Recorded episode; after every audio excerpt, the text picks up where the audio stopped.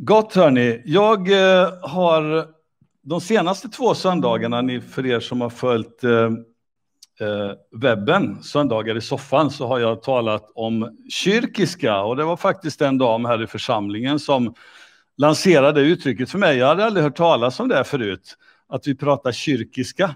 Alltså uttryck som används i kyrkmiljöer och som eh, en del personer inte förstår egentligen vad det kan betyda för en massa konstiga ord. Men det är inte så konstigt egentligen för varje eh, område har ju sitt fackspråk oavsett om, eh, om vi talar om eh, bilar eller om vi talar om eh, och så vidare, så har vi ord som förklarar det som vi menar på ett, ett lite bredare perspektiv. Och för förra söndagen så talade jag över ordet synd. Eh, gå in och lyssna på den. Eh, jag fick väldigt bra positiv feedback på den predikan. Det var någon som sa så här, åh det där öppnade upp ögonen för mig. För att ordet synd, i svenskan har vi från ordet sund, som faktiskt är någon, eh, någonting som skiljer. Ett sund är ett vatten, vatten som skiljer två landsdelar. Och vad synd gör i våra liv, det är att det skiljer oss ifrån Gud.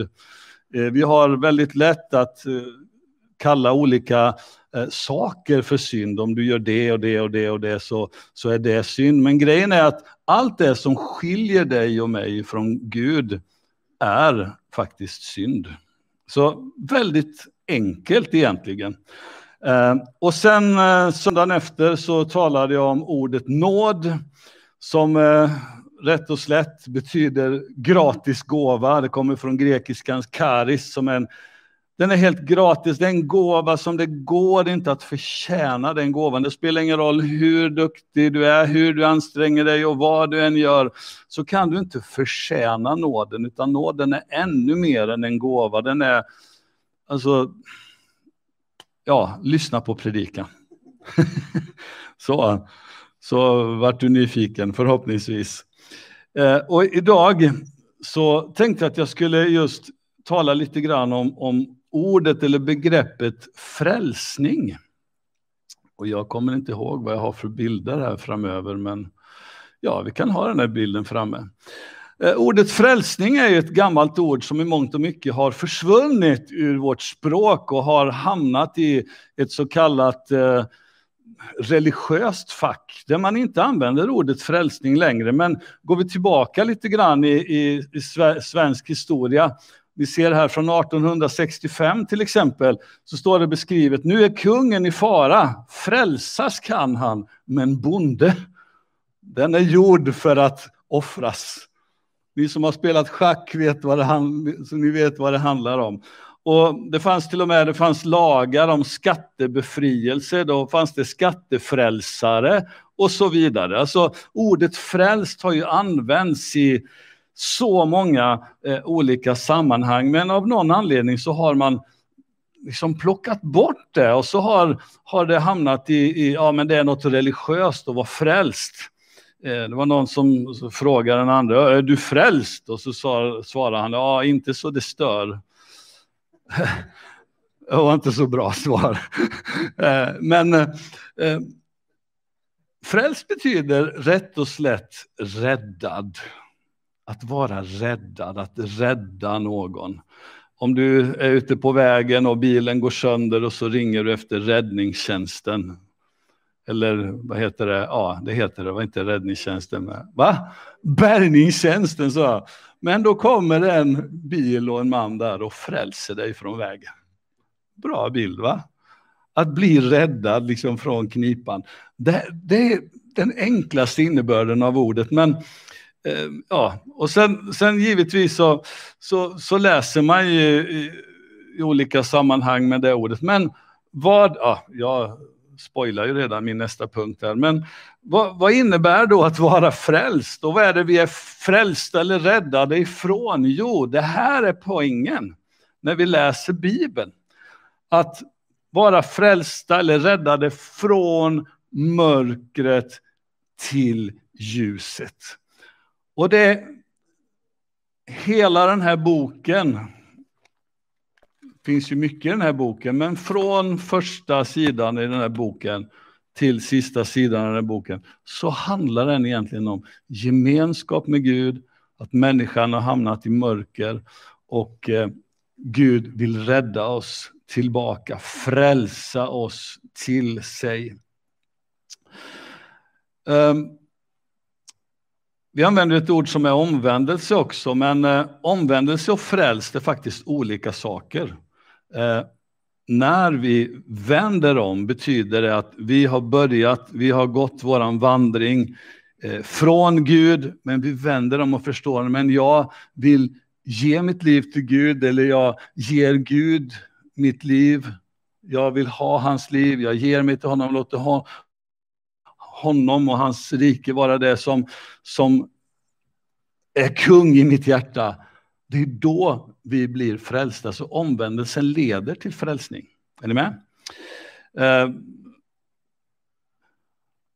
tänkte bara, det här är väldigt basic, väldigt enkelt, men det är så viktigt. Och jag tar den här uh, storyn i boken.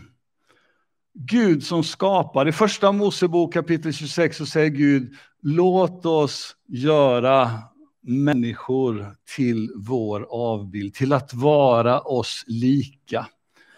Och när Gud skapar dig och mig så skapar han dig för att ha gemenskap med honom, för att vara tillsammans med honom, vandra med honom i all evighet. Gud ställer till och med eh, ett träd i, i Edens lustgård där som är livets träd. Där ett träd som talas om i slutet av, av Bibeln också, där, där det är ett träd vars löv aldrig vissnar och det finns läkedom och styrka. Ett, ett träd som symboliserar det eviga livet.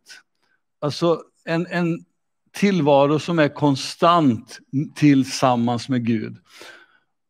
Men Bibeln berättar ju att människan vänder sig bort ifrån Gud och jag brukar säga så här att det var ju inte själva grejen att Adam och Eva åt frukten som, som var synden, utan synden var faktiskt innan det.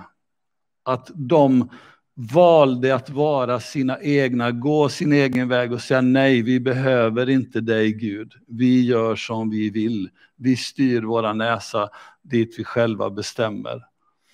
Och hjärtat blir bortvänt, hjärtat blir skilt ifrån Gud och sen kommer konsekvenserna av synden, alltså i form av handlingar som leder till ytterligare saker.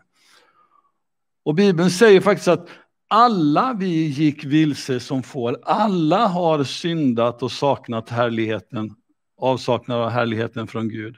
Det finns inte någon av oss som kan liksom slå oss för bröstet och säga ja men vi, vi minsann, vi, vi, vi har aldrig gjort någonting fel, vi är så duktiga. Och det, utan alla vi har vänt bort oss ifrån Gud på ett eller annat sätt.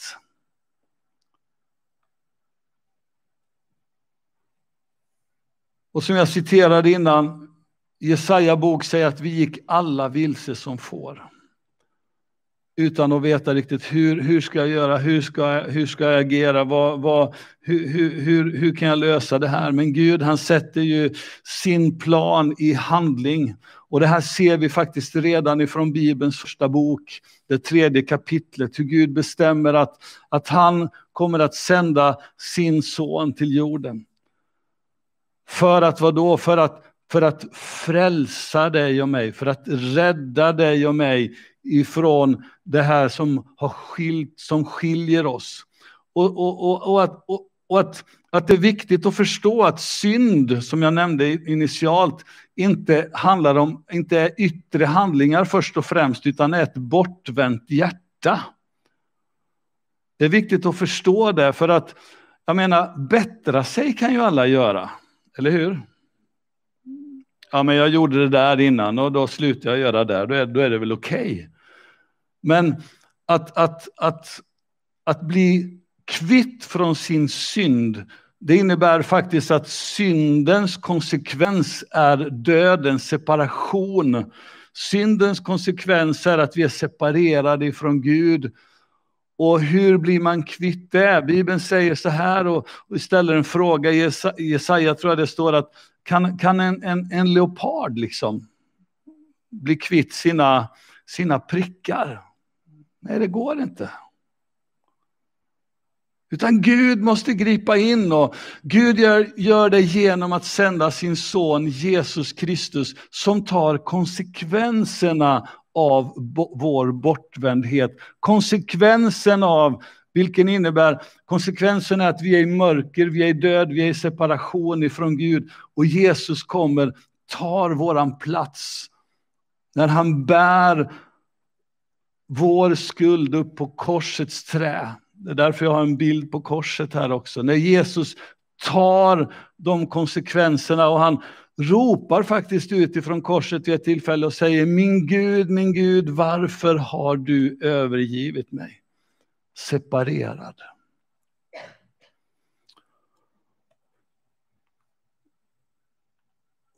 Och som versen stod här innan, ty så älskade Gud världen att han sände sin enfödde son. Så att var och en som tror på honom inte ska gå förlorad utan ha evigt liv.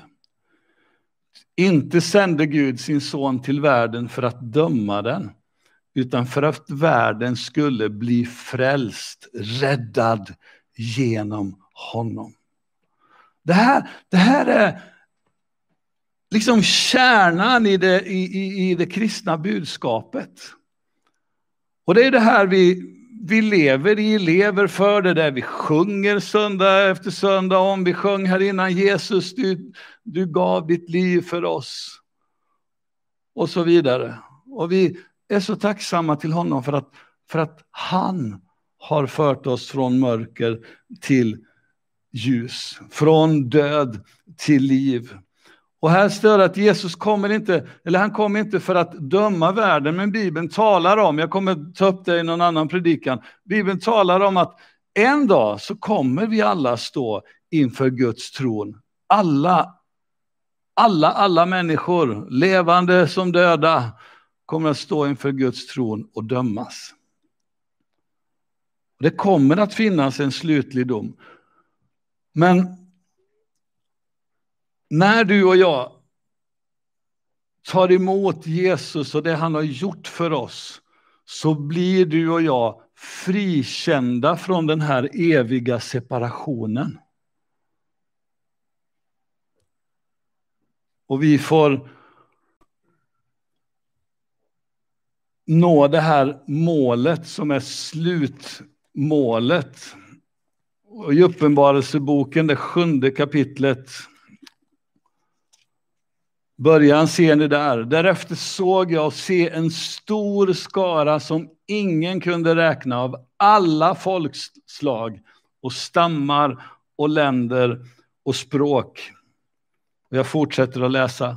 De stod inför tronen inför lammet klädda i vita kläder och med palmblad i händerna och de ropade med hög röst. Frälsningen tillhör vår Gud, honom som sitter på tronen och lammet. Och alla änglar stod runt omkring tronen och kring de äldste, de fyra väsendena, och de föll ner på sina ansikten inför tronen och tillbad och sa Amen, lovet och priset, visheten och tacksägelsen, äran, makten och välde tillhör Gud, tillhör Gud i evigheternas evigheter. Amen.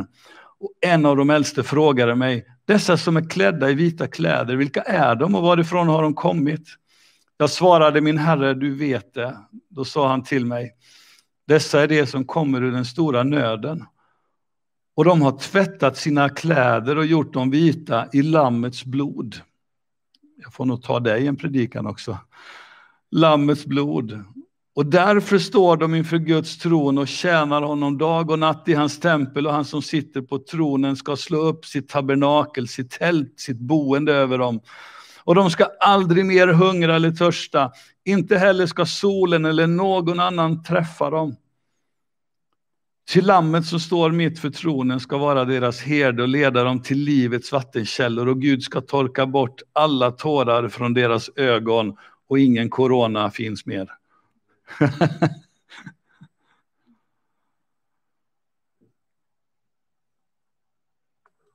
målet i boken, ser ni, är liksom på slutet, ser ni? Det, det är att, att, att människor från alla folkslag, stammar och språk får, får vara inför tronen. Och att, och att bli frälst, det är då med andra ord detsamma som att förverkliga det som är hela idén, hela syftet med, syftet med vår existens, att bli räddad från mörkret in i hans underbara ljus, in i gemenskap med Gud. Med Gud, liv, utan Gud, död. Med Gud, liv, utan Gud, död.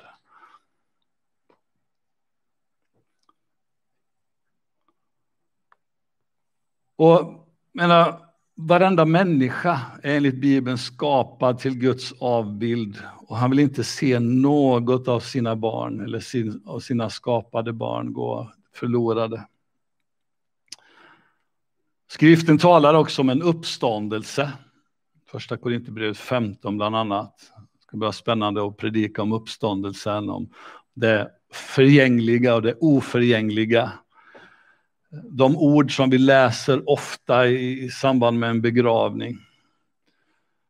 Uh, ord som Bibeln talar om. Jag menar i det här tillståndet så är vi, vi, vi blir äldre och äldre. Jag tittar mig i spegeln och det är kalare och kalare och gråare och gråare och det vi slits. Men det här förgängliga, det här som försvinner, det kommer att bytas i någonting som kommer att vara i evighet. Därför att Gud är evig. Och i gemenskapen med honom så är gemenskapen evig. Då är det intressant. Bibeln säger att var och en som åkallar Herrens namn ska bli frälst. Var och en som ropar till Herren, som vänder sig till Herren med sitt hjärta ska bli frälst. Och jag, vill bara, jag är på landning nu i min predikan. Då vill jag bara läsa från just Romarbrevet kapitel 10. Och då står det så här i den trettonde versen. Till var och en som åk, åkar Herrens namn ska bli frälst eller räddad. Men så frågar Paulus här när han skriver till församlingen i Rom. Men hur skulle de kunna åkalla dem som inte har, de har kommit till tro på? Och hur skulle de kunna tro på det som, den som de inte har hört? Och hur skulle de kunna höra om ingen predikar?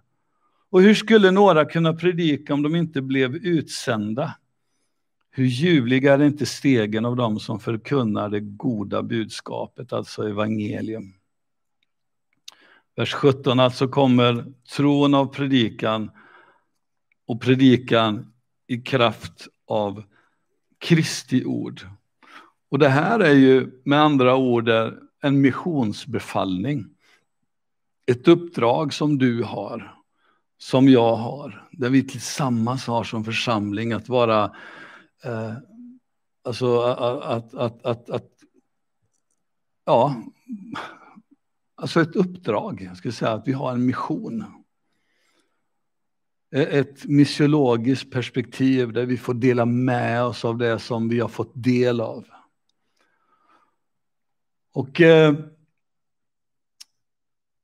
som bara sista goa på det här ordet så så på grekiska som betyder frälst, räddad.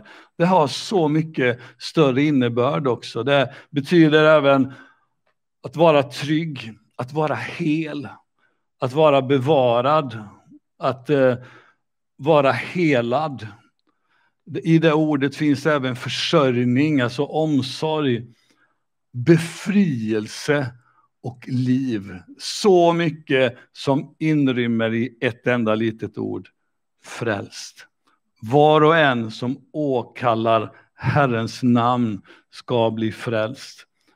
Och han kallar dig och mig och hela världen egentligen från mörker till ljus frälsning, räddad. Och att få, att få bli förlåten. Jag har många gånger under åren suttit med människor som har förstått vad att bli förlåten av Gud är, att komma in i Guds nåd, Guds omsorg innebär och innefattar. Och hur eh, ibland har det varit väldigt stillsamt, ibland har det varit känslosvall eh, och man bara får gråtit ut sin nåd. Jag kommer ihåg ett särskilt tillfälle när en kille var hemma hos oss. Vi hör gråten på bottenvåningen, vi springer ner och där ligger han på knä i vårt vardagsrum. Han hade bara förstått hur mycket Gud älskar honom, vad Jesus hade gjort för honom och vilken framtid Gud hade för hans liv. Och han i tårar bara, Gud förlåt mig, Gud förlåt mig, Gud förlåt mig. Låt mig få vara din och hur, hur liksom hans liv blev förvandlat. Och Jesus är här just nu. Jesus är på den här platsen och du som lyssnar via webben också, Jesus är där med dig. Och du kan precis där du är bara få ropa till Jesus. Vända dig till honom och säga Jesus rädda mig. Jesus rädda mig. Du kanske inte förstår hela innebörden. Ibland verkar det nästan som ju mer man studerar ju mindre begriper man. Men enkelt, enkelt. Jesus älskar dig, han har gjort allt för dig. Och han, Bibeln beskriver att, att, att han, han drog oss upp ur fördärvets grop, står det. Han satte våra fötter på en fast klippa, alltså på honom själv. Han gjorde våra steg fasta. Underbara ord. Hur det bara beskriver Guds kärlek. I fredags hade vi ungdomssamling här och det var en av ungdomarna som kom och redan när, när ungdomen kom in så sa ja ikväll ska ni få be för mig. Ja, ja det ska vi göra. Så hade vi våra, vårat häng och vi lekte, vi hade aktiviteter och sen hade vi en stund av lovsång. Jag talade lite och så sa nu, nu ska vi be. Och så bad vi för den här ungdomen och eh, den ungdomen hade ont i en fot och efter förbönen så säger ungdomen att all den här smärtan är borta. Och, och det, som, det, som, det, det, som jag tyckte var härligast av allt var att ungdomen sa så här, jo men jag förväntade mig att när jag kom hit idag så skulle ni be för mig och Jesus skulle vidröra mig. Och så fick vi även be för två kompisar till. Tillsammans där, den ena fick be för den andra och bara tala ut liksom ord om tro, styrka, helande och som finns i det här ordet som jag precis har talat om. Frälst, var och en som åkallar, åkallar Herrens namn ska bli frälst. Ska vi be tillsammans? Himmelske Fader, tack för din godhet och tack för att vi får vara inför ditt ansikte. Tack för att vi får älska dig, hylla dig och ära dig. Heligande, kom. Kom heligande.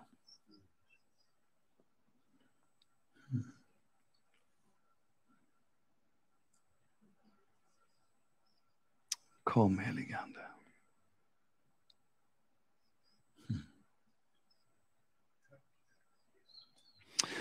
Eh, jag bara har en sak jag har burit i mitt hjärta sen i, i fredags. Jag tror att det är till dig här inne eller kanske du som lyssnar på webben också. Eh, du kanske säger, ja men det där är väl självklart Ruben när du säger det, men det är inte riktigt så. Jag tror att du finns som, som under senaste, senaste, senaste tiden verkligen haft så svårt att sova. För att det gnager inom dig en fullständig ofrid och en oro som har gripit tag om dig. Jag skulle bara vilja bjuda dig och vända dig till Jesus just nu. Vi, vi kan väl bara sluta våra ögon en liten stund här så. Men eh, om, om det är så att du känner så här, men det är jag Ruben, kan inte du bara vinka åt mig så ska jag be för dig, jag ska inte säga ditt namn eller något. Mm. Gud välsigne dig. Jag tror att det är någon mer faktiskt. Det är så här, du, det har bara kommit över dig. Och Jesus han vill rädda dig från det här, bara lyfta det här av dig.